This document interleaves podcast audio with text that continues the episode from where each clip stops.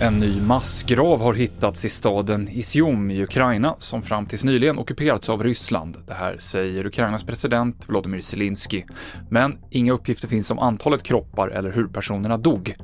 Journalister från AP har dock besökt platsen och beskriver ett skogsparti med vad som ser ut som hundratals omärkta gravar.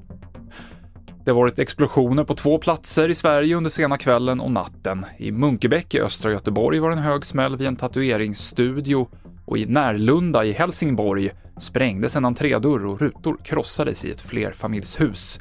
Boende i området säger till HD att byggnader skakade, men ingen ska ha skadats vid någon av de här två explosionerna.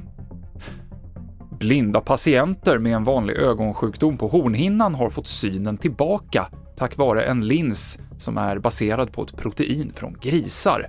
Det här visar en ny studie och bakom den nya behandlingsmetoden står forskare vid Linköpings universitet. Efter operationen eh, kunde alla blinda se igen.